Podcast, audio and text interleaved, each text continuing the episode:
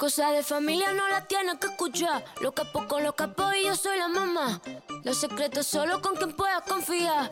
Más, más te vale no romper la muerta. Hay niveles para todo en esta vía. No jodemos con personas desconocidas. Ni un amigo nuevo, ni una haría. Ni un amigo nuevo, ni una haría.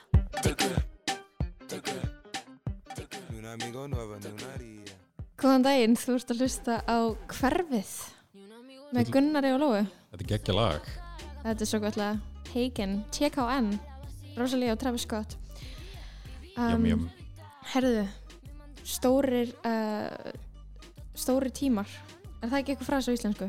Fyrsta, Stóri tímar nei það Jú. er heldur ekki. Ef það er það ekki, þá er það núna Ég var, ég var eitthvað svona að reyna að stoppa með að því að segja spennandi tímar en uh, það eru spennandi tím- tímar að þetta er fyrsti þátturinn sem við sendum frá, frá nýja stúdíun okkar á hverjasköndi 78 Whoop, whoop Segja ég nú bara. Þú ert, þetta er fyrsti þáttur þinn Gunnar. Hva, Þú heiti Gunnar Ingi Jones Mikið rétt. The one and only. Þú ert maður. Ég er maður, vissulega. Og svo veit ég ekkert meir um þig. Nei, ég sem sagt uh, Já Sko, ég kem frá Rúf það var eins og verður að fara að segja ég kem frá Rússlandi. Nei, ég reyndar ekki Ég er einn áttundi velskur. Komst það þessum daginn. Já, Ertu vissum að þú sért ekki 1.16? ég veit það ekki. Ég er einn áttundi held ég. Ok, ok. En já, ég sagt, uh, var að vinna Rúf uh, Ég er í hljómsveit sem heitir Un með Ser sem er þungaráksljómsveit mm og ég á hund sem heitir Hugo sem Veistla. er mjög sætur. Sem þú átti að fjölskyldaðin sko, það fer eftir hvernig þú spyrði í fjölskyldinni En Sem ég sagt ætla að- fjölskyldaðin Já, ég á hann samt, vill ég meina. Ok, veistla. Sýsti mín myndi mjög líklega mótmæla þessu samt. Og þið sko, þetta er þetta er náttúrulega þeng sko að það er eitthvað svona fjölskyldugældýrið og svo hvað þú átt sko og Já, það er ekki já. það sama sko. Nei, hann er samt svo Þannig að hann líkur býr ekki á þér, hann býr á er, mömmunni Ég er svona helgapappi með hann sko. Ok, ok, veistla, veistla. Ég er svona undirbúið mig fyrir helgapappa hlutverkið. Ok, duglegur gera, doing your part. Jú, jú. En já, við erum þetta er fyrsti þátturinn okkar af, af hverfinu og þetta verður svona vikulegur þáttur. Og við ætlum að vera að fara yfir tónlist, menningu um, popkultúr og hvað fleira gunnar? Bara, mat, Já, og mat. Mat og fött Mat, föt, bíla. Um, nammi. Uh, Fastegnamarkaðin já, það er endar ógeðslega gaman að skoða fastegnir en ég veit ekki hvort það er gott útvarpsefni. Nei, talandi um hálgerða fasteg þá sá ég að varðskipið ægir er til sölu. Ætlaðu þú að hópa það eða? um, mér hefur endar alltaf sko, mér er alltaf langur til að búa á bát. Ok, en, uh, en alltaf skilur þá í London.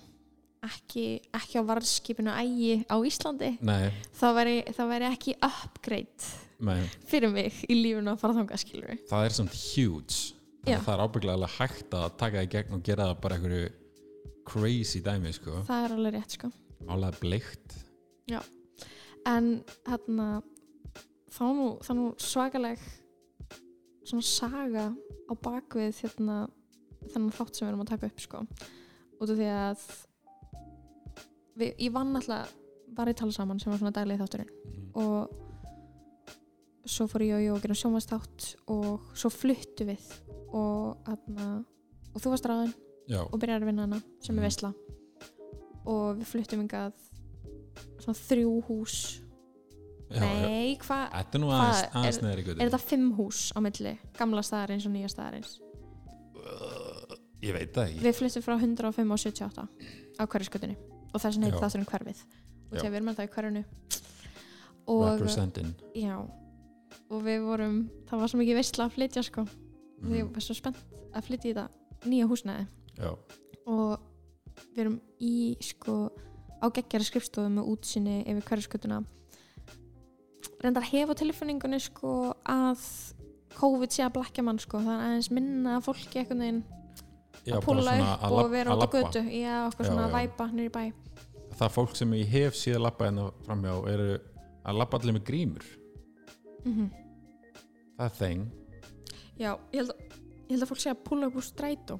Þegar svona er ennþá með grímuna Já, ég fór í hann og það var bara það stóð bara mjög skýrt að manni er bara neytar aðgangur ef maður væri ekki með grímu sko. Já, ég reyndi að fara í strætó um daginn og var bara, ég er ekki með grímu. Og þegar ég hefði glemt og því ég reyndi alltaf að taka með mér. Já, þú veist, ef ég sé grímu þá reyndi ég að taka með og því að þú veist, maður þarf að nota hann svo oft skilur og maður er eitthvað uh, að fara í búð, þá er hann já. grímu. Ef maður þarf að strætó, þá er hann grímu. Og maður á að hendinni, skilur, eftir eitt skipti. Þú ert ekki að vinna með svona fjölnóta Nei, ég treysti þeim ekki. Treystur þeim ekki? Nei, ei, við getum farið nánar til það eftir. Uh, Ég treysti þeim ekki, já. En þá aðna, var kona í strætó sem bara slætaði á mig grímu. Oh, ég MVP MVP um, En við sagt, komum hingað á, á 78 og stiltum öllu útvarpinu upp og það var bara fyrstu nóttina eða eitthvað. Mm og svo bara fór allir heim. Og eftir að við vorum búin að vera í loftinu í fjóra eða eitthvað þá var bara brotist inn og öllu dótun okkar stólið þannig að það var smá antiklæmaks já, það var smá högg sko. Já, ég trúi því. Sko nú hafið þið, þið heflega eflust svona meiri, þú veist, þú ert búin að vera enna lengur en ég sko, mm -hmm. þannig að ég get ímynda mér að þetta er svona tölum meira högg fyrir ykkur já, um, en fyrir eitthvað mig persónulega en mjög sad vissulega, Mjög sad. ég kom hérna við vorum að fara uh, í myndatöku Já. og ég mætti hérna morgun og þá bara löggan og bara stemming sko. bara real crime scene já og þeir voru bara eitthvað eins og væru að taka fingerför og bara eitthvað svaka dæmi sko. sko. Þannig að það var bara heilum fjölmiðli stólið sko. Bara, við vorum bara ekki í loftinu út af því að þú veist til þess að vera með útvarp þá þarfst að vera með skilur það er að vera með þú græður þarfst að vera með græjur þú þarfst að vera með eitthvað dæmi sem að uh, er bara ekki til Nei. á mörgum stöðum á landinu. Mhm. og þegar þú stelur því þá, já, en við fórum eftir í loftið, fljóðlega eftir það. Látum og við erum með góða góða lausni í þeim málum sko.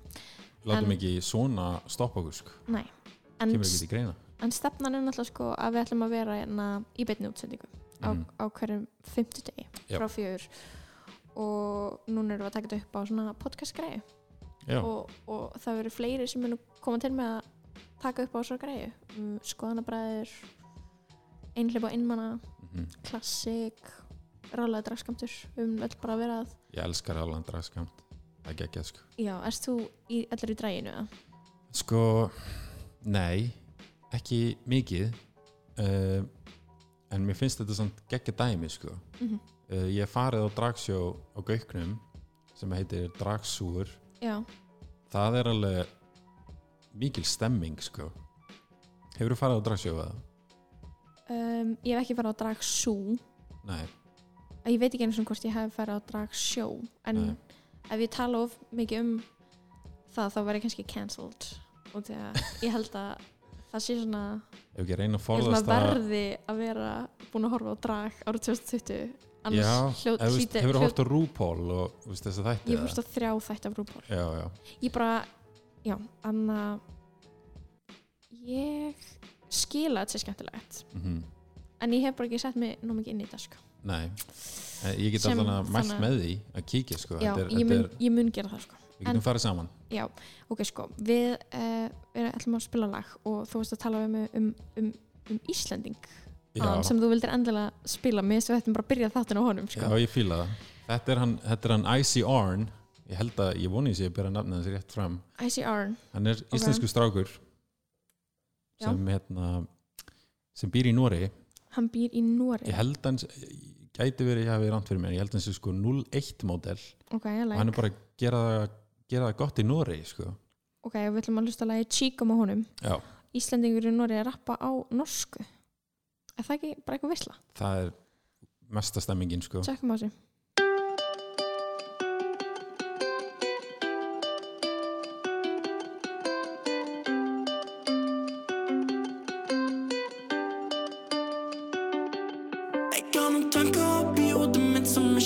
vekk. Jeg bærer minnene i hodet som en jævlig tung sekk. Jeg er ung, jeg er følsom, jeg vil bare ta vekk. Jeg åpna hjertet mitt for deg, du satt ikke på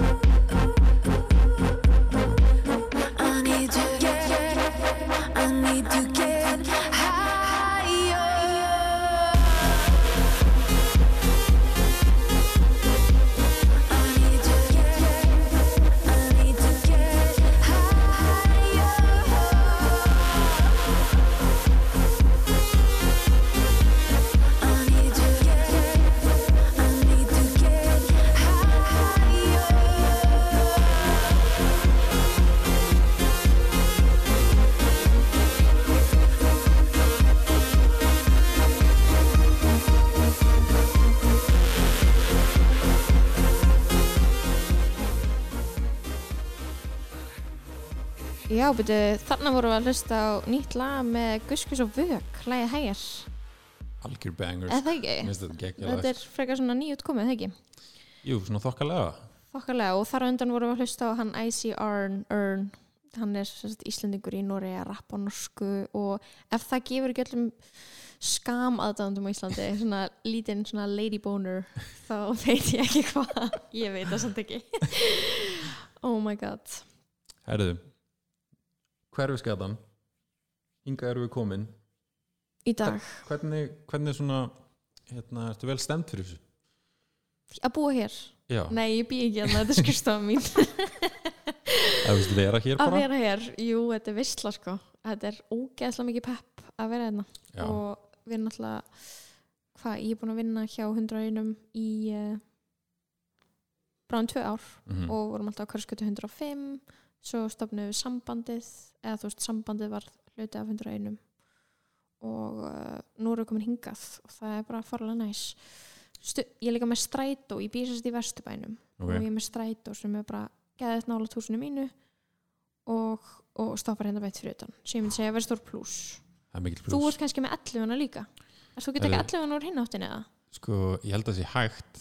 Uh, Ég bý fósföðunum uh, Ég tók sko Ég tók átján áðan.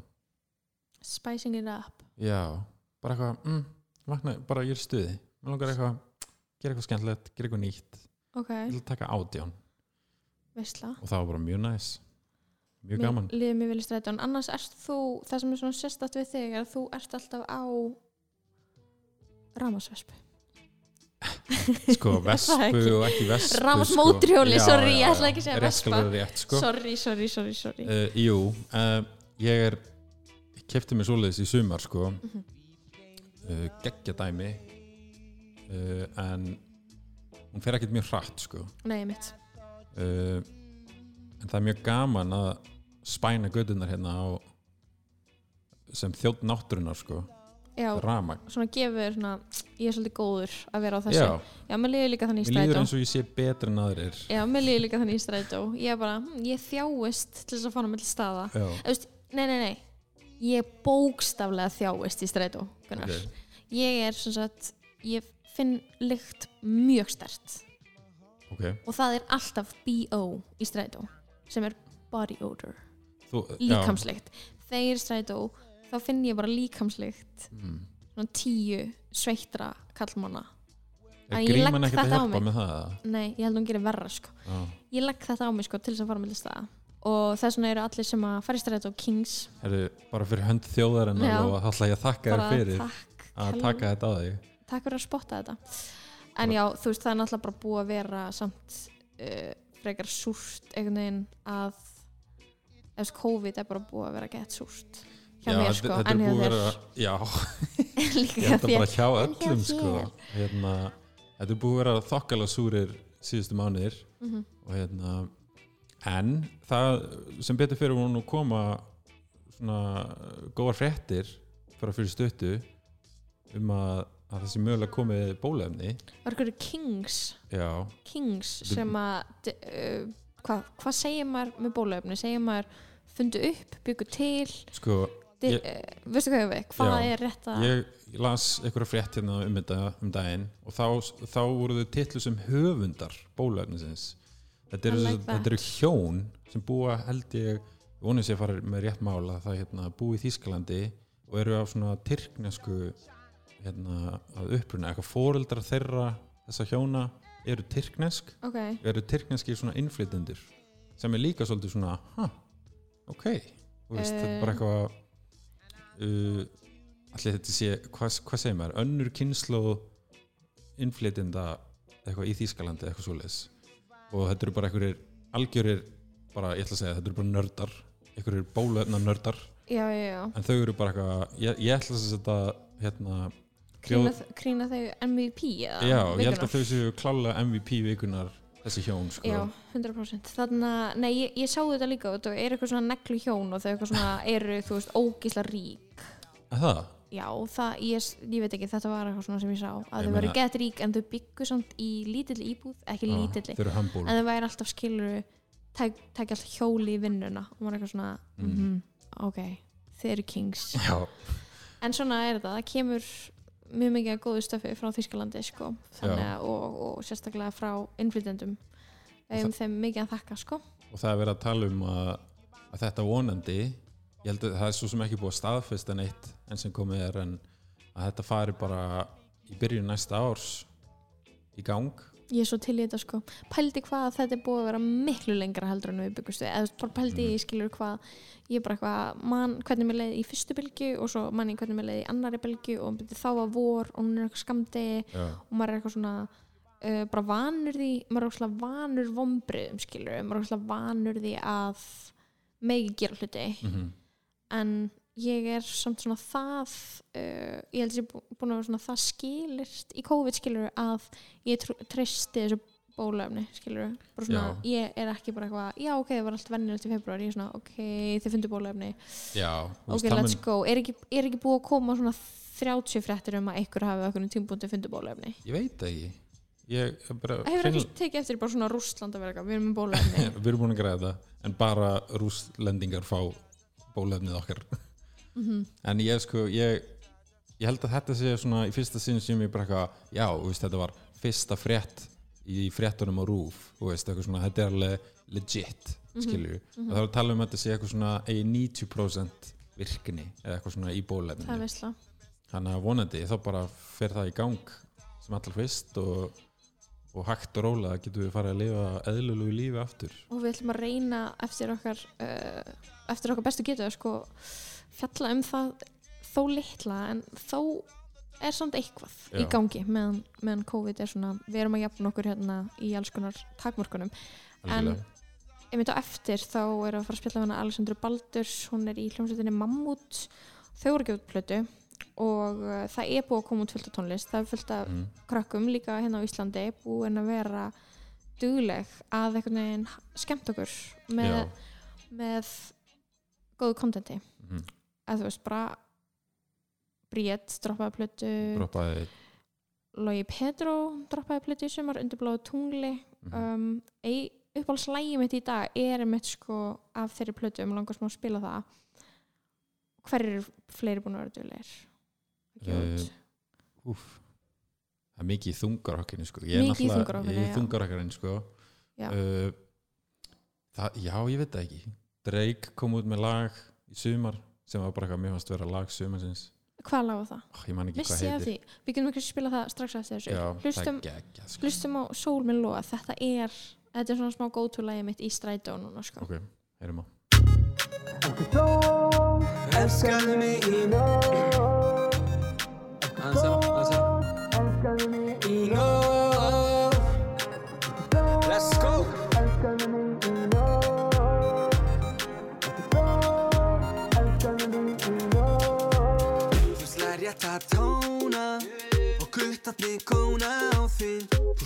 eins og snjókar En það get alltaf stólað á þinn. Er að gera því skóna. Ég viltu kíkja hingan Svo kláðast einn jónan Og við kúrum fram að mótni Njótum ástar, gleymum öllum Segjum engum. Fram að mótni, ferði taxa Gleymir öllu, segir engum. Fram að mótni, njótum ástar Gleymum öllum, segjum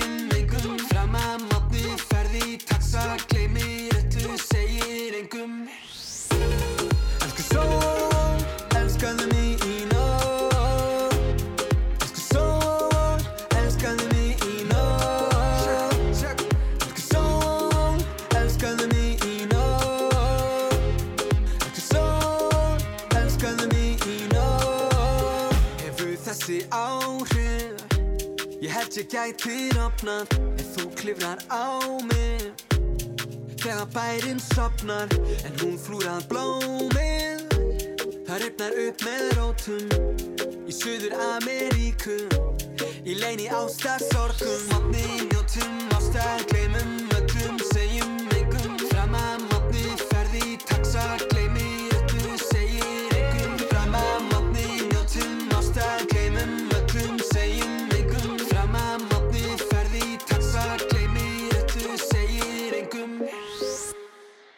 sól, elskaðu mig í nóg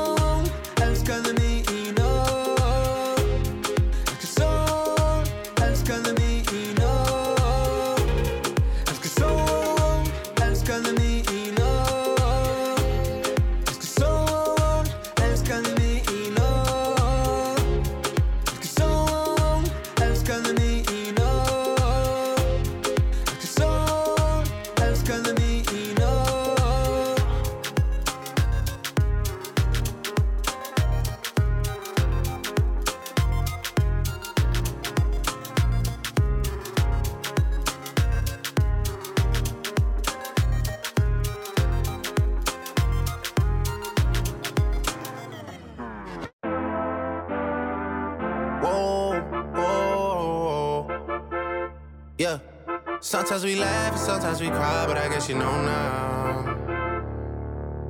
Baby, I took a half and she took the whole thing. Slow down. Baby, we took a trip, now we on your block and it's like a ghost town. Baby, where did these niggas be at when they say they doing all this and all that? Tired of beefing you bums, you can't even pay me enough to react. Sometimes I don't even know where I'm at. Please don't pay that nigga songs in this party, I can't even listen to that. Anytime that I run into somebody, it must be a victory lap. Hey, Shotty come sit on my lap. Hey, they saying Drizzy just snap. This in between us is not like a store, this isn't a closable gap. Hey, I see some niggas attack and don't end up making it back. I know that they at the crib going crazy down bad. What they had didn't last, damn baby. Sometimes we laugh sometimes we cry, but I guess you know now. Baby, I took a half and she took the whole thing. Slow down. Baby, we took a trip, now we on your block and it's like a ghost town. Baby, where did these niggas be at when they say they doing all this and all that? I'm in the trenches, relax. Can you not pet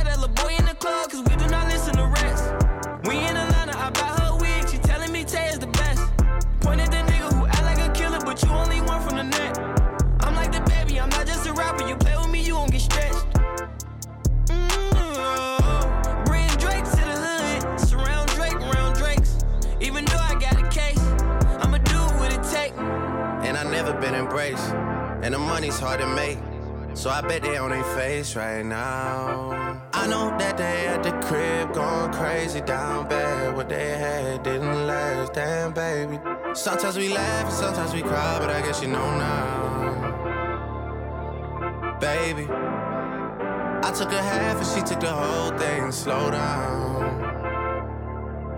Baby. We took a trip, now we on your block, and it's like a ghost town. Baby, where did these niggas be at when they say they doing all this and all that? When he tell the story, that's not how it went. No, they be lying 100%. Moved out of wrist and forgot about the bend. Now they just call me to tell me come get it. Now that boy off and I don't want no credit.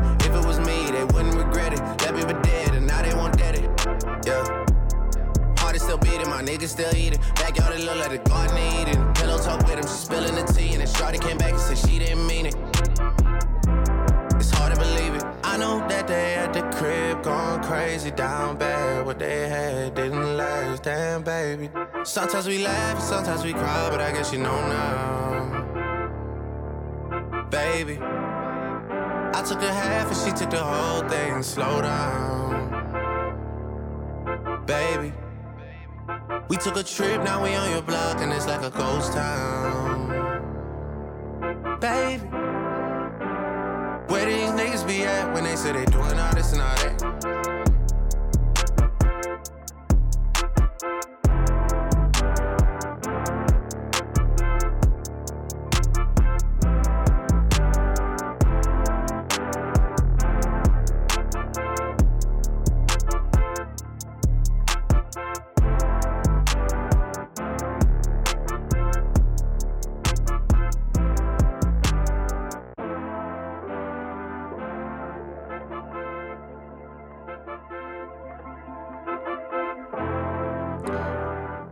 Er þess að sumarsmellurinn sem við tala um. Laugh Now, Cry Later og Lil Durk sem er, svona, Dirk sem er ógislega gott artistana til þess að velja sér. Það ekki? Það er mjög gott.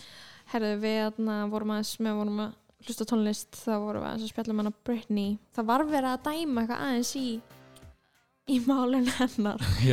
Free Britney. Er það var ekki það var ekki að virka það hvenær byrjaði þetta mál manstu eftir því, var í sumar eða uh, ég setti, ég ætla að hafa Britney undir en ég hætti við, sorry allir sem eru að hlusta þannig að hvenær byrjaði hvaða mál þetta, þetta Free Britney þetta á Dæmi. sér þetta er, þetta er, við erum að tala um mörg ár hérna sko. nú, ok, það er held ég alveg komin svolítið mörg ár síðan að Britney var svift sjálfræði og Já, fjárræði já. sko.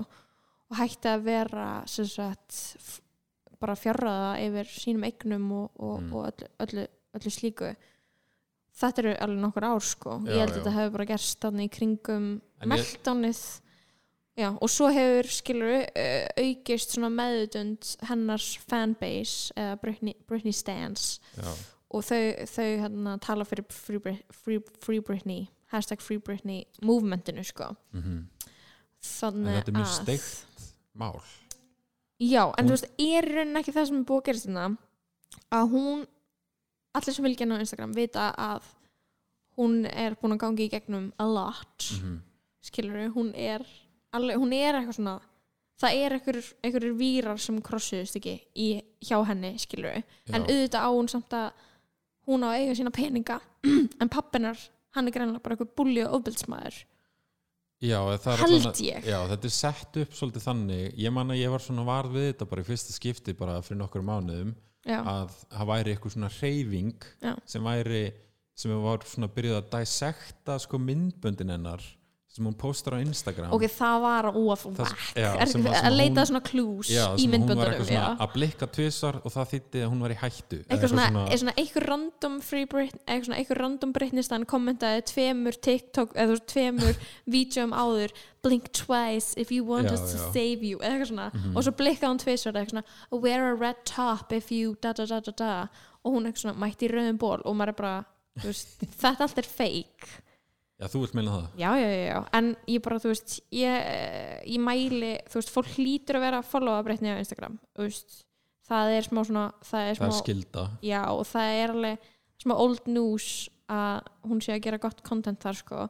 En það, er, það sem er áhugaverst við Instagram hennar er að hún er líka alltaf að posta einhverjum einhverjum góðum quotes sem ég er alltaf gaman að sjá. Eins og stillness is the key to prayer the rest is God.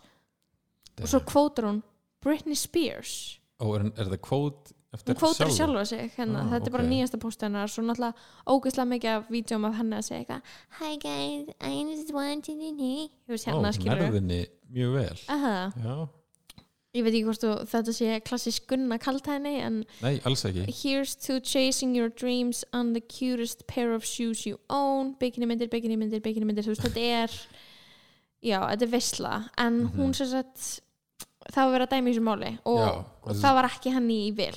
Nei, í, í gær þá var þess að dómstöll í bandaríkjunum sem vísaði uh, kröfu hennar um að verða uh, að sjá um sín eigin fjármál eða eitthvað svoleiðis og hérna, að pappinar hefur verið hennar svona legal guardian í 12 ára eitthvað mm og hefur séð um svona hennar fjármál sko. Mhm. og hún er búin að vera að reyna að berjast fyrir því að fá að sjá um það sjálf sem að í venjulegum heimi myndi ég halda að allir hættu að fá að gera en út af því að hún eitthvað svona er búin að vera að ströggla við eitthvað svona mental health dæmi -hmm. að þá var hún sagt svift sjálf svona fjárræði Mm uh, sem held ég gerist hlýtur að gerast oft er það ekki?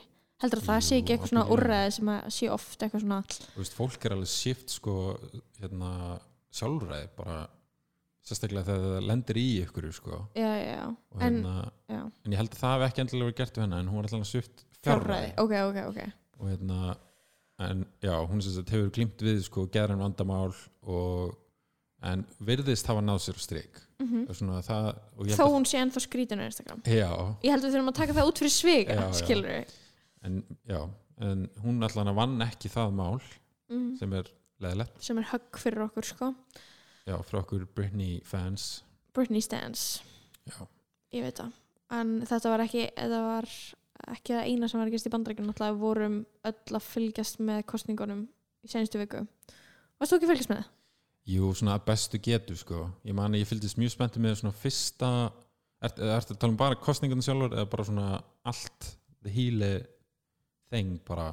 Já, ég er að tala um allt. Já, jú, jú, ég fylgdist alveg með því sko. Þú veist, ég var eitthvað að undirbúa mig og var eitthvað að hlusta á NPR Politics og held ég væri gett inn í hlutunum. Mhm. og, ég, og fyrir mér þá fannst þá, svona eins og þau töluðu þá uh, voru þú veist, þessi stjórnmála einhvern veginn sérfræðingar hjá þú veist National Public Radio í bandaríkjanum voru ekkert eitthvað svona alveg viss að bætan myndi taka þetta sko. Nei, en svo mæti ég í vinnuna og þá er fólk hérna á skrifstofinu bara jú, þú veist, bætin er að fara að vinna. En Já. ég bara var ekki sannfærð nei, þannig að þú veist, En ég ég var með gegan kvíða yfir þessu. Eða skilur, ég veit ekki hvort að það er eðlilegt að vera á Íslandi og vera bara eitthvað ok, ég var ekki með daglegan kvíða en svona Nei, ef ég nei. hugsa út í þetta þá var ég eitthvað já, fokk, eitthvað svona Trump Mhm. er kannski bara frá að taka þetta. En Já. hann tapaði, já, sjáum veistla sem við veistla, við fögnum því sko. Uh, þetta var, þetta er sérstætt dót sko, en ég held að það var engin veist, jú, það er hægt að vera með eitthvað spárum eitthvað hver hefði getað unnið eitthvað, en þetta var ótrúlega tæft sko, já, já, já, þannig að veist, það var bara eitthvað, menn voru bara að býða eftir einhverjum einu, tveimur, þreimur ríkjum sko fyrir úslitunum líka bara því að þú veist ég veit síðan, þú veist ég veit ekki hvernig stöff er í bandaríkjunum þú veist.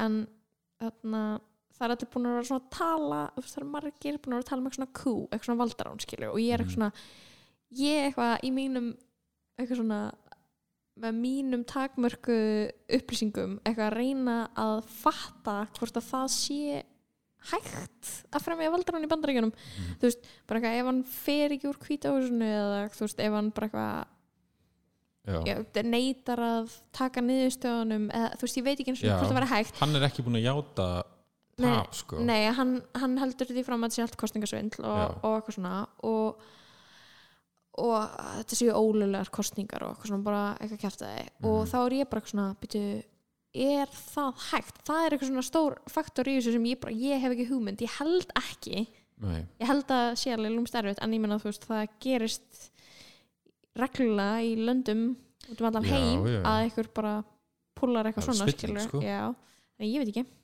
þetta er, það heyrðist náttúrulega ekki í múkjónum sko þegar hann vann þarna 2016 þá var bara gleði, gleði, gleði hjá húnum sko. Já, um kostningarna, hvort það verður löglar, já, já, já. En svo strax hann tapar sko þá náttúrulega býttu nú við. Er, já, en ég var líka sko, nú eru uh, ég veit ekki hvort það er allir eitthvað svona í sömu pælingum og ég en mér varst líka gett skrítið að fylgjast með öllum eitthvað segja Biden sé líka gett ömulegur já, já, já, þetta var eitthvað svona, ég var eitthvað já, en mér fannst alltaf bara svona Trump þú veist, vera bara svona í einhvernum veldisvexti verri Mm. heldur um Biden. Já, já, já. sko nú, ég, ég er- sem þekki eitthvað sögu bætin ekkit eitthvað rosalega vel sko. Uh, en það er rosalega fyndið að svona, það voru allir bara eitthvað, já, bætin, bætin eitthvað. Og svo strax og hann vann og þá fóðum maður að sjá eitthvað svona sko, samt sko bætin sko, hann er, hann er sko perri.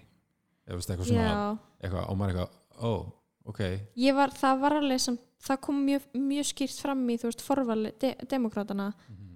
það var mjög mikið tala um uh, ásakanir um já, já, kynferðisbrot svo las ég hans yfir það allavega á Wikipedia. Mhm.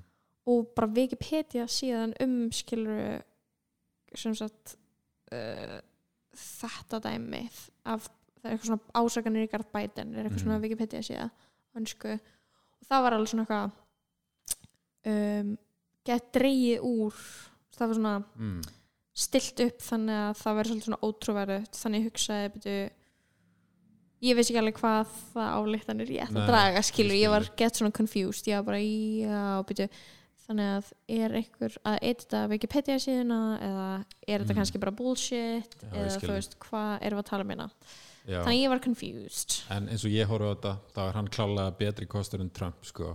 þannig að fyrir, fyrir mér að hann skulle að vinna er náttúrulega bara flott Það er bara skilur uh, en svo sem hvað liggur á bakvið hjá honum er bara svona ég svo sem veit það ekki, ég þarf kannski að kynna mér það bara betur eitthvað árun ekkert fara að mynda með skoðun á því hvort að mér finnist hann vera eitthvað ömulur eða ekki sko. mm ég þarf að fá mér eitthvað aðeins meira edgy skoðun ég finna að ég var ekki Já, en ég klálega svona ég mun mun meira sammálunum í svona pólitískum skoðunum skiluru uh, en versus Trump skiluru uh, augljóslega, augljóslega. Augljóslega. en svo kom náttúrulega uh, nýja boratmyndin, eftir að sjá hana það ég er búin að sjá helmingin af henni. Ok, mm það var svona um, skemmtilega tímasett já, útgáfan á þeirri mynd sko. Já það var svo ógeðslega fyndið þegar hann púlaði upp með kynlífstúkuna nei, þetta var ekki kynlífstúka, oh my god. Okkur verið að miskilda hann var að púla upp með dóttur sína. Ég bara var með þessa mynd í hausnum hann var með, þú veist, eitthvað líkam á öxlunum. Já, og, já. og ég var eitthvað svona, já það var nei, býtu, ég var eitthvað röglast allavega, hann púlar upp með dóttur sína yfir axlunar Mhm. og á, á þessar republikana eitthvað svona Mike Pence. Já, það var epíst en hann, hann alltaf tjáði sig um eða Trump var það ekki, tjáði sig um það að Sasha uh, Cohen heitir hann ekki? Uh, hann, hann tweetaði eitthvað svona bara þessi mynd er ekki fyndin. Bara mm, Trump, já, nei Mike Pence. Nei Já. hver Trump? Ég held það. Jú það var Trump, fyrir hann var bara þessi mynd ekki fyndin. Ég veit hvað er fyndið og þessi mynd er ekki fyndin. Og hann, þú veist, svona tweetar á mótunum sko, hann vinnur okkar Sasha og hann var bara eitthvað Borat sjálfur. Já, hann, veist, og þetta var svona það er mjög áhugavert sko hvað þessi mynd hérna, þetta er svona augljóslega hann að reyna að hafa ykkur áhrif skiluru á kostningarnar veist, hann er að, já, að reyna að sína fram á ykkur svona hlið bandarækjumanna sem er alveg, getur verið svolítið bara þokkilega racist skilur og bara allir þessi hlutir sem hann er að gera í þessari mynd bara svona sínar og svo mikið bara eitthvað á hvað fólk er með stundum mjög erfiðar skoðanir. Já, þú veist, ég horfði á þetta ég var eitthvað, já, þetta fólk er alltaf að leika. Og allir sem voru að horfa á mömmu Mm. voru bara eitthvað nei, Nei. that's the whole point. Mhm. þau eru ekki að leika. Og ég er eitthvað, þau hljóta vera að leika. Mm svo það mann líði þannig En það er, það er lokatrið myndinni er mjög intens það sem hann er að hittir hérna með mikið spoila, sko. Já, ég ætla ekki að segja en, en ég mæli með að horfa á þessa mynd. Hún er mjög fyndin uh, þó, mér finnst hún ekki hafa verið jafn góð og fyrsta myndin sko. Nei, emitt, en hún var samt skemmtileg. Já, já, góð já ræma, sko. true. Þannig að mér finnst það til heiðus ef við ættum að spila eitt Brittany lag. Svo Ekki sammála það? Jú, sammála því. Hvað er uppáhaldsbyrnilegið þitt? um, ég er sko sami búin að taka executive ákvörðun Ok, um að spila work bitch let's hear it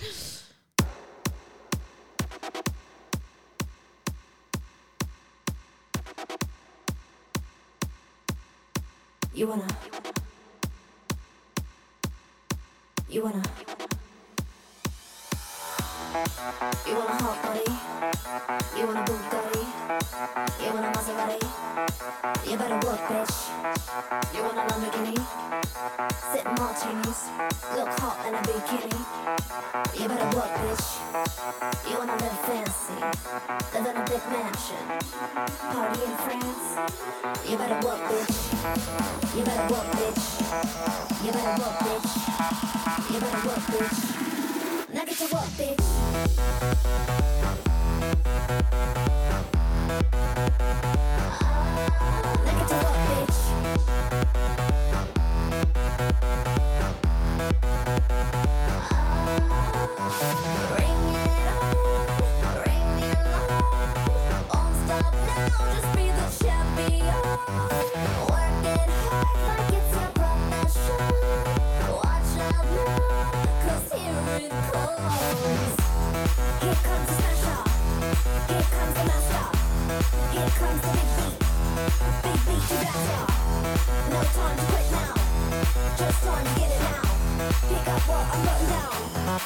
You want a hot body?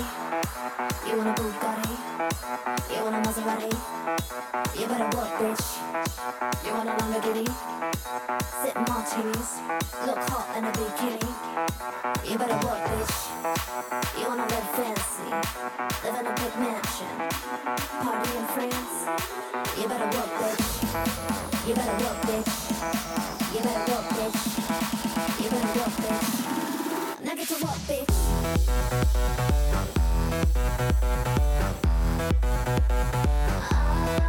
Get to bitch.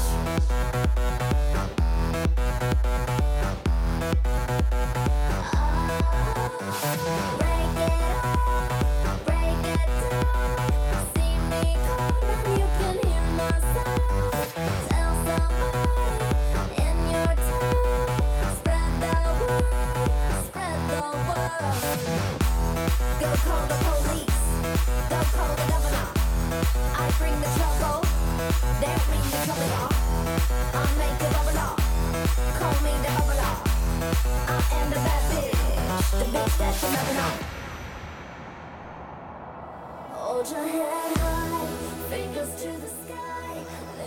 Það var mjög særandi ykkurni þegar þú sagðir fokk hvað þetta er umlega lag og því að þetta er svo gott lag. Bara sorry, er en mér finnst þetta ekki gott lag sko. mikið stemming. Þetta er, þetta er bara þetta lag er mím að, við ég veist, myndi aldrei eitthvað svona ú, eitthvað, ég ætla að sitja á work bitch eitthvað, þú veist bara klúbnum og þú veist bara já, ég náttúrulega drekk ekki sko, og það lendur fyrir ekki á klúbin það er alltaf bara edru á klúbin mm, já, þú ert lame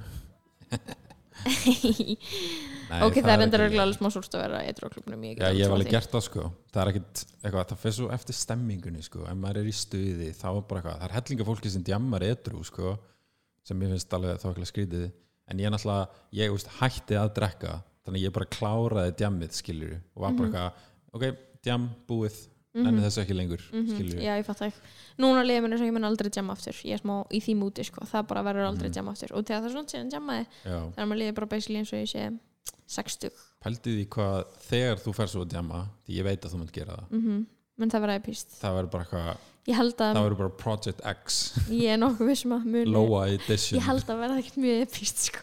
Hversu epíst getur orðið? Það verður, þú verður bara heima hefur bara ég, já, ég sko.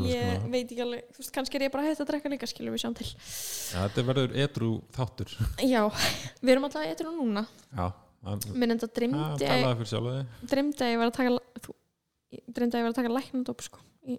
Já, já, vaknaði við það bara ég er nefnilega alltaf inn á Telegram sem er svona forrið það sem Já. er svona alls konar af hverju ertu bara Þetta- for, forvitnis forvitni. já, bara forvitin, bara finnst þetta geta áhugavert og ég er alltaf að lesa veist, bara auðlýsingar, skilur bara góðar auðlýsingar fyrir læknandóp og ég er bara eitthvað, já, Suboxone og svo bara í nótt og dreymdi mig að vera með vinnu mínum og hann bara, þú verður að taka bara, sem er eitthvað já, svona ópjóða uh, lif held ég fyrir fólk sem er til dæmis búið að vera að taka eitthvað heroin eða kótein eða eitthvað, ég veit ekki. Mm, ég veit ekki nóg mikið um þetta, Ok, mér dreymdi að ég verið að taka það í nótt. Skemmtilegt. Já, þannig ég veit ekki, ég sakna ekki damsins ég sakna þess að kaupa læknadóp ég sakna einhvers lífs sem ég hef ekki átt. Já, en herru, við erum að fara að taka viðtal við Alessandra Baldsdóttir, hún er í hljómsveitinni Mammut, þau voru að gefa út plötu.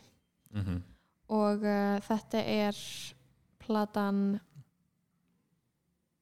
þetta Ride the Fire. Nei, ég var ekki að spyrja þig, ég var að ha, Já, nei, þetta er platan Ride the Fire. Og um, ég vildi bara ekki segja neitt vittlust Nei, og hún kom út í oktober og við ætlum að, að spjalla hans við hann Alexander um bara lífið í hljómsveit þau eru náttúrulega búin að vera uh, hljómsveit frekar lengi já, alveg þokkalega lengi og voru sko. svona badnastjörnur Mhm. þegar ég var badn sem Já, ég var krakki þegar þau unnu músitilrunir já, Svo- mannstu eftir því eða? Uh, já, ég man eftir þessu öllu. Ég held ég, ég man ágætlega vel eftir mammút sko, því ég sá síðan mammút á tónleikum. Ég man alltaf líka bara gett vel eftir þessu. Þetta er stelpur, þetta er rock, ég elskaði Mm. rock. Uh, var það voru cool það voru ókslega arti Ertu smá rockhundur? um, ég var það. Ok, var það sko, ég ætla, ég var það í grunnskóla ég ætla en að gera það að mínu, mínu bara tilgangi í lífinu að Ek- gera þig að rockhund aftur. Já, ég samt sko, ég á síðan sko kærasta sem er rockhundur Já, og alltaf rocki sem ég spila, hún finnst það umulagt Vist, ég vil, ef, hvernig rock er þetta að spila? þú veist, ég spila eitthvað svona throwbacks í eitthvað sem var að hlusta á skilur í grunnskóla.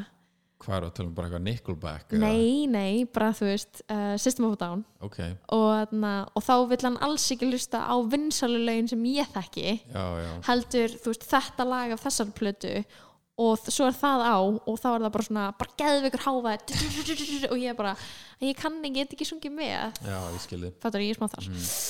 um, við ætlum að hlusta á eitt lag meðan að Alessandra kemur sér fyrir og það er lagið Motive með Ariana og Doja Cat. Gott lag, let's go. Gekkjalag.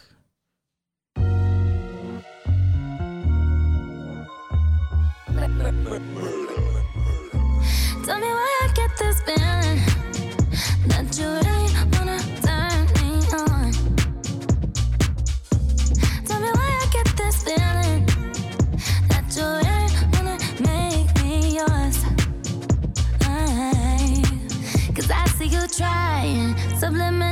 trying to see if I'm gonna be the one to say wrong.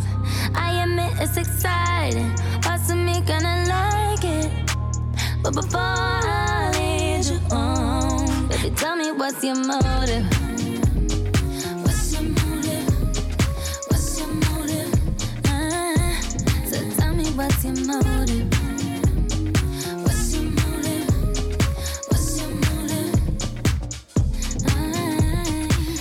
I, I could cut out from a mile away.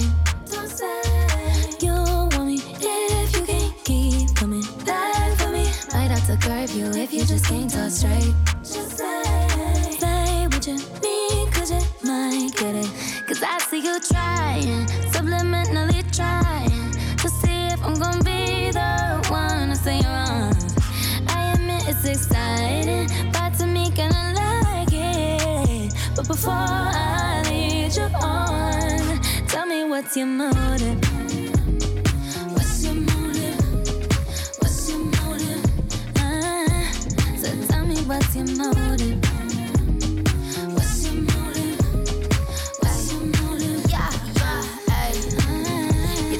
Gold, baby. Now you wanna spoil me. Did you want a trophy or you wanna spoil me, baby? Want me cause you wanted respect, cause you fighting some war, baby. Well, I had to bring the fists out, had to put a wall up, but don't trust phonies, baby. Yeah, you gotta tell me what's your motive, baby. Cause you got your candy on your arm, no need to sugarcoat. I lie, say what you want. I need it, I broke on a 5G. Can you promise me you'll bring it all tonight? Cause I need you to be wise. Tell me everything Baby, that's on me your what's mind. your Come on.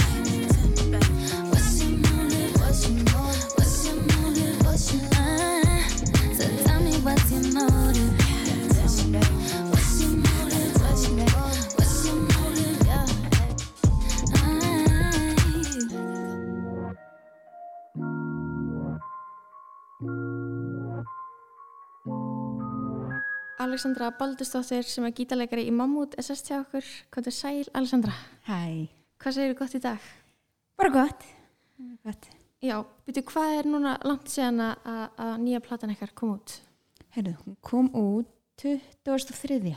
oktober. 23. oktober. Hvað er langt síðan? Það er, hvernig er hvað er, eitthvað tvær vikur? Já, eitthvað svo Tvær, þrjár vikur, eitthvað, eitthvað þannig.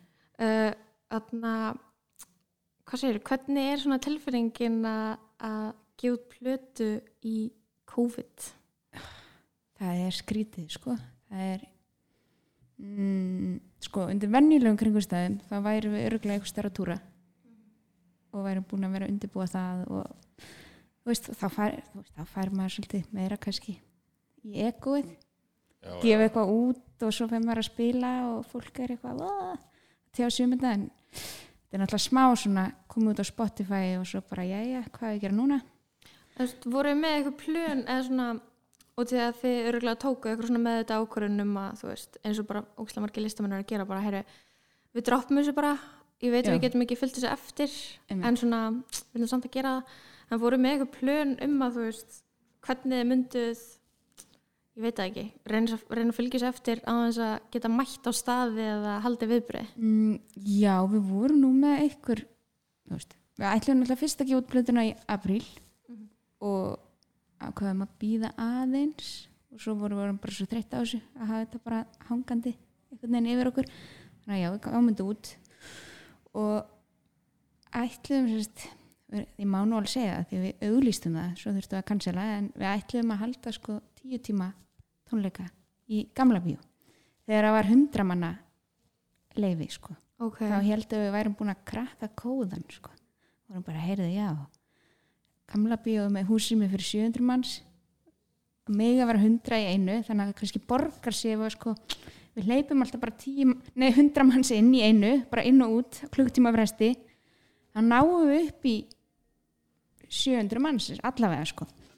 Það er það sem við ætlum að gera, spila streitt og þetta væri bara svona sem í eitthvað svona eins og gjörningur, já, já endurance gjörningur bara. E- Ok. eiginlega sko, við vorum að ræða að vera með þvægleiki hættum við Ok. það en það var svona, já, svona nánast svo ákvæði, ok, það er ok þannig að tíminna pissupása klukktíma fresti og Já. miðurstaðan sko Það er góð lending. Hvaðna, hversna þurftu að cancela?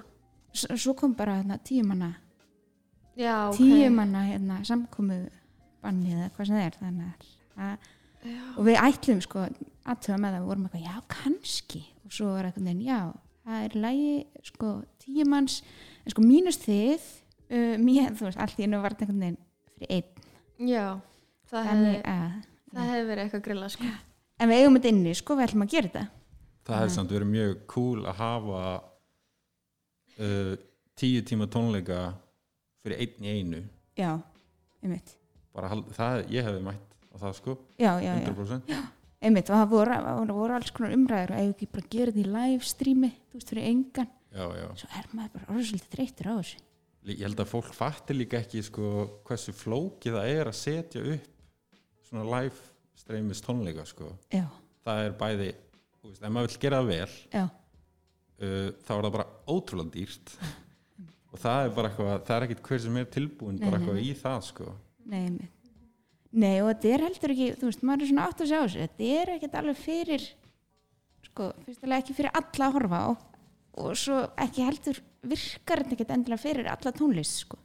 Eða þú veist, ekki svona bandi eins og okkur sem við náttúrulega lifum svolítið á því að svona krádorkunni Já.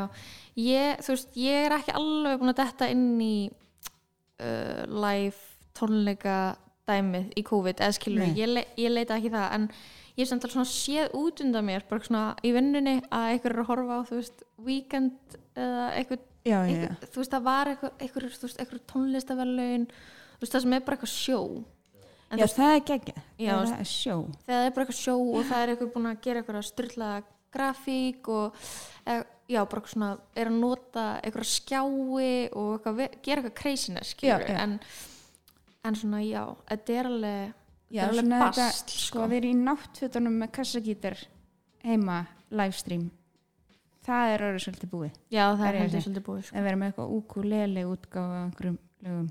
Nei, einmitt, ég, rúmi, sko, það er það er ógeðslega fyndið að þarna, ok, þú veist, það er óumflýjanlegt að tala um COVID en það er svo fyndið hvað, þú veist, maður uh, maður, maður er eitthvað að upplifa annað heldur en eitthvað í fyrstu bylgju já, fyrstu bylgju hafa maður eitthvað ok, betur þess að gera er, ég mani, ég var bara í bókstala bara, ok, Chris Martin live á Facebook. Coldplay. Ok, let's go. Þú veist, og því að þá var allir að gera eitthvað svona í fyrsta skiptu ég var alltaf að horfa upp alls upp í standara minn veist, bara Já, kveika já. Instagram og vera eitthvað ok, já, hún er bara live. Já, ég er ekkert að nenn að horfa á þetta núna nei, sko. ég veit það. Núna er ég bara, ég er bara að bingea TV series. Já, en, þarna, en það er ekki bara eitthvað svona uh, veist, áhugavert við, við plötu, plötun ykkar að þeir að gefa út í COVID þú veist, það er bara aðstæður. En þeir eru líka búin að vera til svo lengi. Já. hvað eru þið gummul hljómsveit? sko ég er búin að vera lengur í mammút en ekki í mammút. Oh my god. Uh, ég er búin að vera í mammút í bara, ég held ég bráðin 16 ár sko. uh ég er, já, 31 þú það tjens yes. Sko, internetið sagði við mig að þið hefðu byrjað 2003 já, er það rétt eða? já, það er e- eiginlega eða sko í desember 2003 já, já, þá hérna tóku við þátt í hérna, samfés. Já. Og það þekktu við strákan ekki neitt sko. Og þetta var bara kata eitthvað heyrðu, mig langar að syngja hérna lag samfés, eitthvað félagsmiðstöðun eitthvað. En það gerir þá mammút að 17 ára úling í dag. Já, akkurat. Hvernig heldur, hvernig heldur að mammút verði sem 30 ára einstaklingur? Á, einmitt, sko ég held nefnilega að við munum aldrei hætta sko. Nei. eða þú veist, við, við höfum oft verið eitthvað svona, já, já, er þetta ekki bara komið gott? Og svo bara einhvern veginn heyrðu, að gera eitthvað morgun? Eða þú veist, það er bara þú veist, við höfum aldrei, já. Mér finnst það ógslag áhugavert og því að þú veist hvernig haldið þið uh, það er svo margar hljómsveitir sem að uh, hvað maður að segja, já um eitt bara kalla þetta gott, skilur Já, já. fólk fer inn í eitthvað svona önnu tímabil eða eitthvað ákveður að vera sóló eða bara fólk hættir í tónlist, skilur alls konar hlutir. Veist, hvernig haldið þið neistanum á lofti, eða þú veist, eru þið bara alltaf gett reglulega spennt að hanga saman og, og gera tónlist? Sko já, eða þú veist það kemur náttúrulega í svona bylgjum sko. Svo held ég að sé líka bara að við erum búin að vera að gera þetta frá því við vorum sko 13-14 Þetta er svolítið svona þekkjum ekkert annað, eða þú veist, maður man eiginlega ekkert eftir lífinu hvort þið er áður um að 13 Þannig að þetta er orðin bara eða þú veist, þetta er- við erum náttúrulega svo mikil fjölskylda sko líka sko. Þetta er, þetta er bara eitthvað svona partur af lífinu. Þú veist, það er bara, já, já, heyrðu, nú þurfum við að fara að gera eitthvað. En þegar þú byrjaðir, varstu, vor- varst þú þá kunnur á gítar eða hvað, hver var stemmingin? nei, kunni ekki mikið sko, Ok, langaði bara já, það var bara svolítið svolítið stefnan sko, það var bara okkur langaði bara að gera þetta. Já. svo, já, auglisti ég bara eftir gítar á í fréttablaðinu minni Já, þú veist að segja okkur þess að sögu hérna. Ég langar mjög að heyra hann aftur sko. Já, En ég var að segja akkur dagann að hérna, að gítariðin er, hann er mjög svona iconic þessi gítar sko. Já, og hann er, er ábygglega ekkert langt í það að að Hard Rock bara fáið þennan gítar upp á vegg sko. Einmitt sko, ef þið borgar rétt verð þá gæti ég íhugað það sko. Já, að Hard Rock ef þú ert að hlusta þá, þá getur samninga viðræður hafist sko, sko ég veit ekki sem gítara, þannig að hvernig gítar er þetta? þetta er svona, svona Ibanez Gem Já, gítar sem er svona signature Steve þú veist, þetta er mjög specific gítar þannig að þú veist, fólk hefur öruglega einhverjir haldið að ég væri með einhverja rosalegar hérna það væri einhverja rosalega pælingar á bakvið enna gítar, sko, af hverju 14-15 ára stelpa væri með þennan, nákvæmlega þennan gítar, sko en það var bara sagan er bara basically svo að ég bara auðlist eftir gítar í fréttablaðinu. Sagði bara, já 40 skall vantar já. ramagsgítar takk, eitthvað. Og ringdi bara maður í mig og ég fór bara og keifti hennar gítar án þess að einhvern veginn pæla neitt einu sinni í því og svo fór ég bara að heyra svona setna mér bara hvar fegstu hennar gítar? Og ég uh, bara maður sem seldi þér. Og veitu, sorry, nei, hvað það segja Gunnar? bara ætli, ætli þessi maður sé núna heima þessi bara wow, bara þessi gítar á hann iconic ég, ég veit ekki, eða kannski er þetta hann stóra eftirsjá í lífinu sko. Já, en Er þetta eitthvað svona gett dýr gítar eða er, svo, er já, svo komst ég að því sko bara setna að nákvæmlega þessi típa af gítar, þú veist, hann heitir Ibanez Gem VAF 777 Ok, og voru bara framleitt 777 eintök af honum af þessum lit sko. Og eitthvað svona og samt í svona eitthvað fyrsta batsi eða eitthvað, þetta er allavega orðið eitthvað sjálfkjört þannig að ég sá einhvern tímann á netinu þegar ég var að fletta þessu upp fyrir svona þremur ára síðan. Þá var hann alltaf innu metin á, ég man ekki 5, 6, 700 skall. Ok, og sem er dýrt fyrir gítar? Sem er mjög Já, ok, sorry, ég veit Já. ekkert um þetta. Nei, en það var alltaf ástæð, ég hætti að túra með hann þá, sko, þá er ég bara, jæja, heyrðu, nú get ég ekki verið að dröslast með Þessa típu Já, þess að spýtu hérna milli, bara kasti sinni í rútu bara hverju kvöldi, ég get ekki gert það. Og hvað þú veist, þannig að veistu eitthvað hver, er þetta einhver frægur íslenskur rockari eða er þetta einhver, þú veist, veistu eitthvað, eitthvað hver, hvað típu þetta var sem seldi þér hann eftir auðlýsingu í fréttablaðinu? Nei, nei, ég man bara hann heim í nóatúni. þetta er smá svona efni í podcast, sko. Þú veist, Já. þessi saga, svona, finna hann. Já, hérna leitin og upprönnunum já, já, getur verið gott, sko. það. Og þarna, já, þú bara fæst hann gítar og svo bara lærður hann sjálf. Já, Þið bara, bara- lærðu öll að hljóðfærin eitthvað bara svona sjálf með því að spila og æfa ykkur eða? uh, við stelpunar, sko. Mhm. Já, strákarnir voru reyndar, þú veist, þeir voru búin að vera í einhverju námi og eitthvað. Mhm. En hérna, já, við tókum þetta svolítið bara á því bara að spila mikið. Gekja? við höfum alltaf ekki að gera þú veist, í lögadalunum sem úlingar, sko, það var við vorum ekki í íþróttum Mm og þá ertu basically bara það hefur ekkert að gera í lögadalunum, sko Nefna, gera list. já, nema að loka þenni bílskur að spila Ég er að spá hvort að við hlustum ekki á hérna lag af, eh, af plötun ykkar. Hvaða, ef þú getur valið eitthvað lag til að, að spila? Heyrðu, hlustum á Prins Prins, hérna. Ég ætla að setja Prins í gang og svo spilum við aðeins meira við hann Alessandru.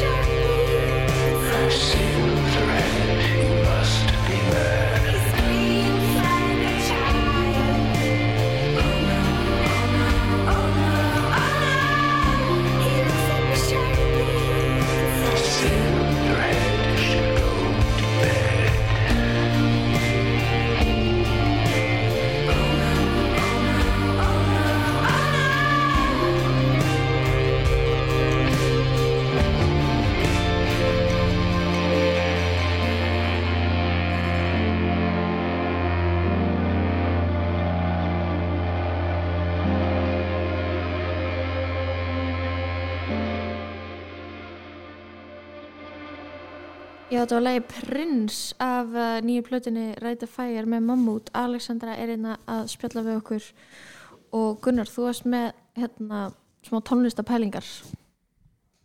Já, maður er, nú, maður er nú alltaf í einhverjum tónlistapælingum sko, það er bara þannig en mér langaði hérna að spyrja hans út í svona upptökuferli ég var nú að lesa eitthvað viðtal við ykkur þetta var svolítið svona óhefbundið Já. Jú, fyrir okkur. jú, Óhefn, jú, jú. hvernig, hvernig var það? Mm, það er rauninni bara munurinn er rauninni bara að sjá að við höfum alltaf verið svo mikið svona bílskursband sko og alltaf bara hérna, verið bara inn í, inn í húsnæði og bara spila og spila og spila þangað til að lögin bara sama lagið aftur og aftur og aftur. Já, en svo ákveða að gera öðruvísi núna og hérna, að því að Ása bjóð í London og hún var með aðgang á stúdíóið þar og Átni Hjörvar, pródusirinn okkar sem er maðurinn hennar líka uh, þau voru þar. Þannig að við ákveðum bara ok, gerum alltaf bara demo í sigur í lagi? Svo hittust við bara einu sinni mánuði út í London. Út í London? Já, þannig fóruðu einu sinni í mánuð til London? Já, svona meðaltali. En við vorum líka eitthvað aðeins að túra og eitthvað svona milli Já, já. sko. Þannig að við nýttum allar ferðir sko mjög vel. En þetta var ekkert kannski rosalega umhverfisvænt. En Já. þetta jafn út kólefnissporið þarna eitthvað. Já, við erum að jafna út núna með að gera ekki neitt Hvaða, veitu, hvaða ár voru það að taka upp? Var þetta í fyrra? eða? þetta var í fyrra, já Ok, og tekur síðan bara, þú veist, tekur síðan engan tíma að, þú veist, mixa og, og gera hana reddi eða hvernig Jú, það? það, það, það tekur alveg tíma sko. eða þú veist, við vorum alltaf að gera það samlega af því við gerum þetta öðruvísi þá var þetta svolítið svona einhver kom inn með demo Já. það var svolítið svona, svona show and tell sjöðu þetta sem ég var að pæla og svo allir hlusta eitthvað, ok, fíla hérna, gítarinn og fíla trómurnar tökka upp núna Mm -hmm. og svo bara hlaðið ofan á þangað til að og mixaði einhvern veginn samhliða sko. og svo endur við að fara til hérna, Berlínar til hans hérna, Sam Slater sem er hennar Hilda Guðuna Einmitt. og kláruðum að mixa með honum bara því við þurftum að fá bara einhver, einhver, einhver önnur eiru sko. Mm það var náttúrulega orðin svo svoðinn hann undir lókin. Og var þetta, veist, meira næs heldur en, þú veist, hinn hin, hin er prósessarnir að, hinnum plötunum? já, að einhverju leiti bara öðruvísi. Uh, já. Það getur líka, það getur líka verið gaman að uh, bara breyta til get ég myndið mér. Já, jú, jú, algjörlega. Og, veist, og í semja sko, svo, svo er það sko að spila þetta live. Já, þetta er fyrst skipti sem að sko venjulega höfum við verið kannski að spila lög í tvö ár bara á tónleikum. Já, já, áður við tökum þau upp þá kanti þau bara inside and out þegar þú já, byrjar að taka upp sko. en þarna voru við bara eitthvað uh, hljóma þetta vel, hljóma þetta Já, vel eitthvað. og núna erum við í þeirri stöðu að við erum svolítið svona að læra að spila þessi lög sko. og þá fattar maður hvað, þau skrí, skrítið sko, að semja svona en ekki Akkurat. semja bara á staðnum þess að þú ert bara á fullu sko. allt í hennu bara er, þú kemur allt í hennu bara kaplið sem ég er ekki að gera neitt bara í 30 sekundur sem maður myndi ekki gerast ef ég væri í æfingarhúsnaðinu þá er maður náttúrulega bara vill maður alltaf vera að spila? Kann ekki, að- kann ekki hafa þögn? Einmitt.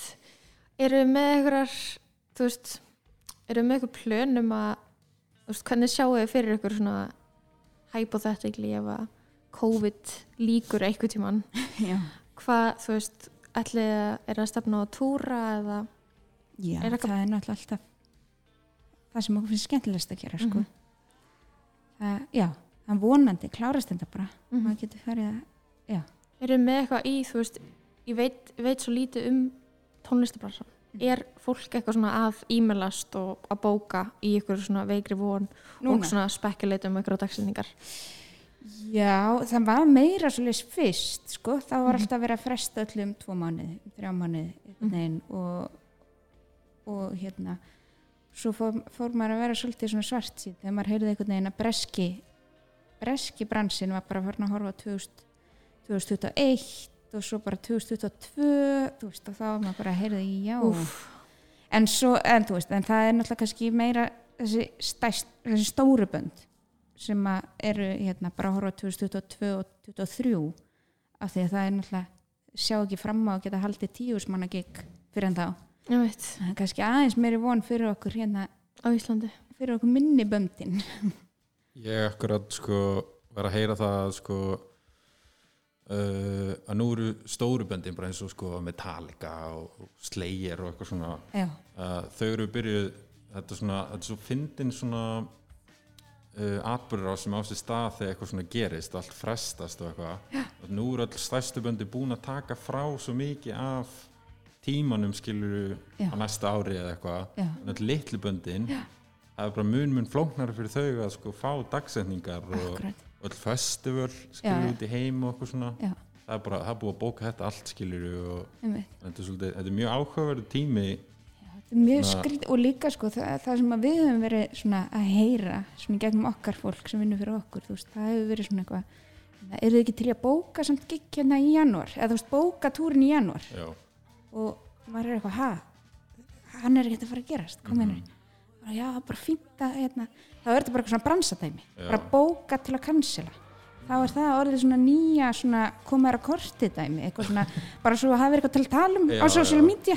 Bara til að kynna eru að eitthvað. kynna þig og svo cancelar bara og svo bara kynnir þú aftur, nei, heyrðu þetta er í oktober og svo bara cancelar þú aftur, þú veist, það er orðið eitthvað svona Þá- strategía. það er ógeðslega áhugavert en það meika líka ógeðslega mikið sens út af því að þú verður einhvern veginn að halda áfram að vera einhvern veginn á milli tannan á fólki. Já, eða já. skilur og verður að vera að segja eitthvað við fólk. Eða það ekki, annars ertu bara eitthvað bara eitthvað að gósta samfélagsmiðla og fjölmiðla skilur Já, en þarna, það var gett að spella og Já, bara gangi ykkur vel mig. til hamingi með plötuna. Já, og þarna, eða bara góðan dag.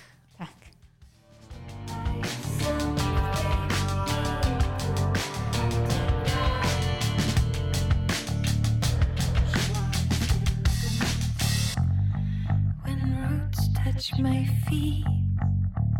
I hear your heart beating.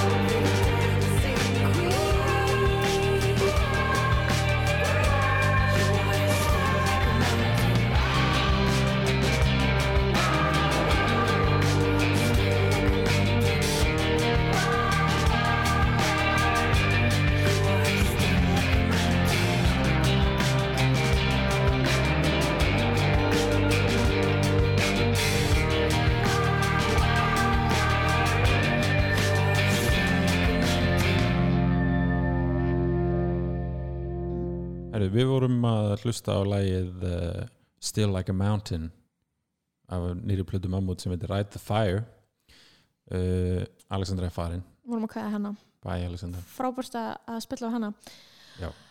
smá svona throwback uh, maður að segja throwback í mi, mína indie æsku að, að, að, að hlusta á mammut sko. Varstu var- bara í nostalgíu kasti mm, nei, mér finnst þess að saga um gítarinn svolítið góð sko. Já, Þannig, en jú, maður var allir í mammut og, og Rettor Steffsson séðar meir mm sem var alveg vissla sko. og Ultramega Teknobandi Stefán. Ég, veistu hvað, ég, veistu hvað? Já, góð saga. Nei, ég veit ekki endum hérna, við getum endað þáttinn í dag á, á góðum anekdót en þegar ég var á MySpace eða var á Facebook á Facebook í áttundabækka eitthvað þá var ég in a relationship with Ultramega Technomóti Stefán ég það, send, það hljómar eins og ógislega svona MySpace legur hlutur að gera. Var það MySpace eða Facebook? Ég þú veist það ekki. Var þetta að gera relationship á MySpace? Ég veit það ekki alveg. Jú, Allavega- það ekki annarkvort var það early days Facebook eða MySpace þar sem að ég sendi þeim relationship request og þau bara samþyktu þannig að ég var bara með in relationship with Ultramega Technomóti Stefán og síðan þá hef ég ekki hlustað á það eða þú veist, ég, maður náttúrulega hefur eitthvað nýtt komað út eða þú veist hvaða, hvaða fólk var þetta yfir höfuð? Já, þetta eru sko strákar að seldjarnan sinu sko. þú þekkir þe- þessa menn? Já, ég þekki svona til þeirra sko. Mm en þeir, þetta var iconic hljómsveit sko. Þeir gáðu út 2017 Circus. Og svo 2013 uppröpunmerki og svo Story of a Star Já, það var það 2007 Það var banger. Er ekki smá fyndið að enda þáttin á Ég til það. Já, og ég held að mjög, mjög margir munu kunna með það og þeir sem eru ungir og muning eftir Ultramega Teknobóttin Stefán þá var þetta þetta var, Þetta var þetta var, þetta var aðalþingið það voru allir að hlusta á þetta. Þeir voru alltaf að spila mentaskólaböllum og algjör stemmingu sko. Um, ok, herru, bara takk fyrir þáttinn Gunnar, gaman að vera með þér í dag og bara allir sem eru að hlusta eigi frábæran dag. Já, fínasti dagur í dag, að gera alls konar. Ég ætla að fara að borða núna. Já, ég líka. Herru, hérna lagi Story of a Star með Ultramega Teknobóttin Stefán. Takk fyrir okkur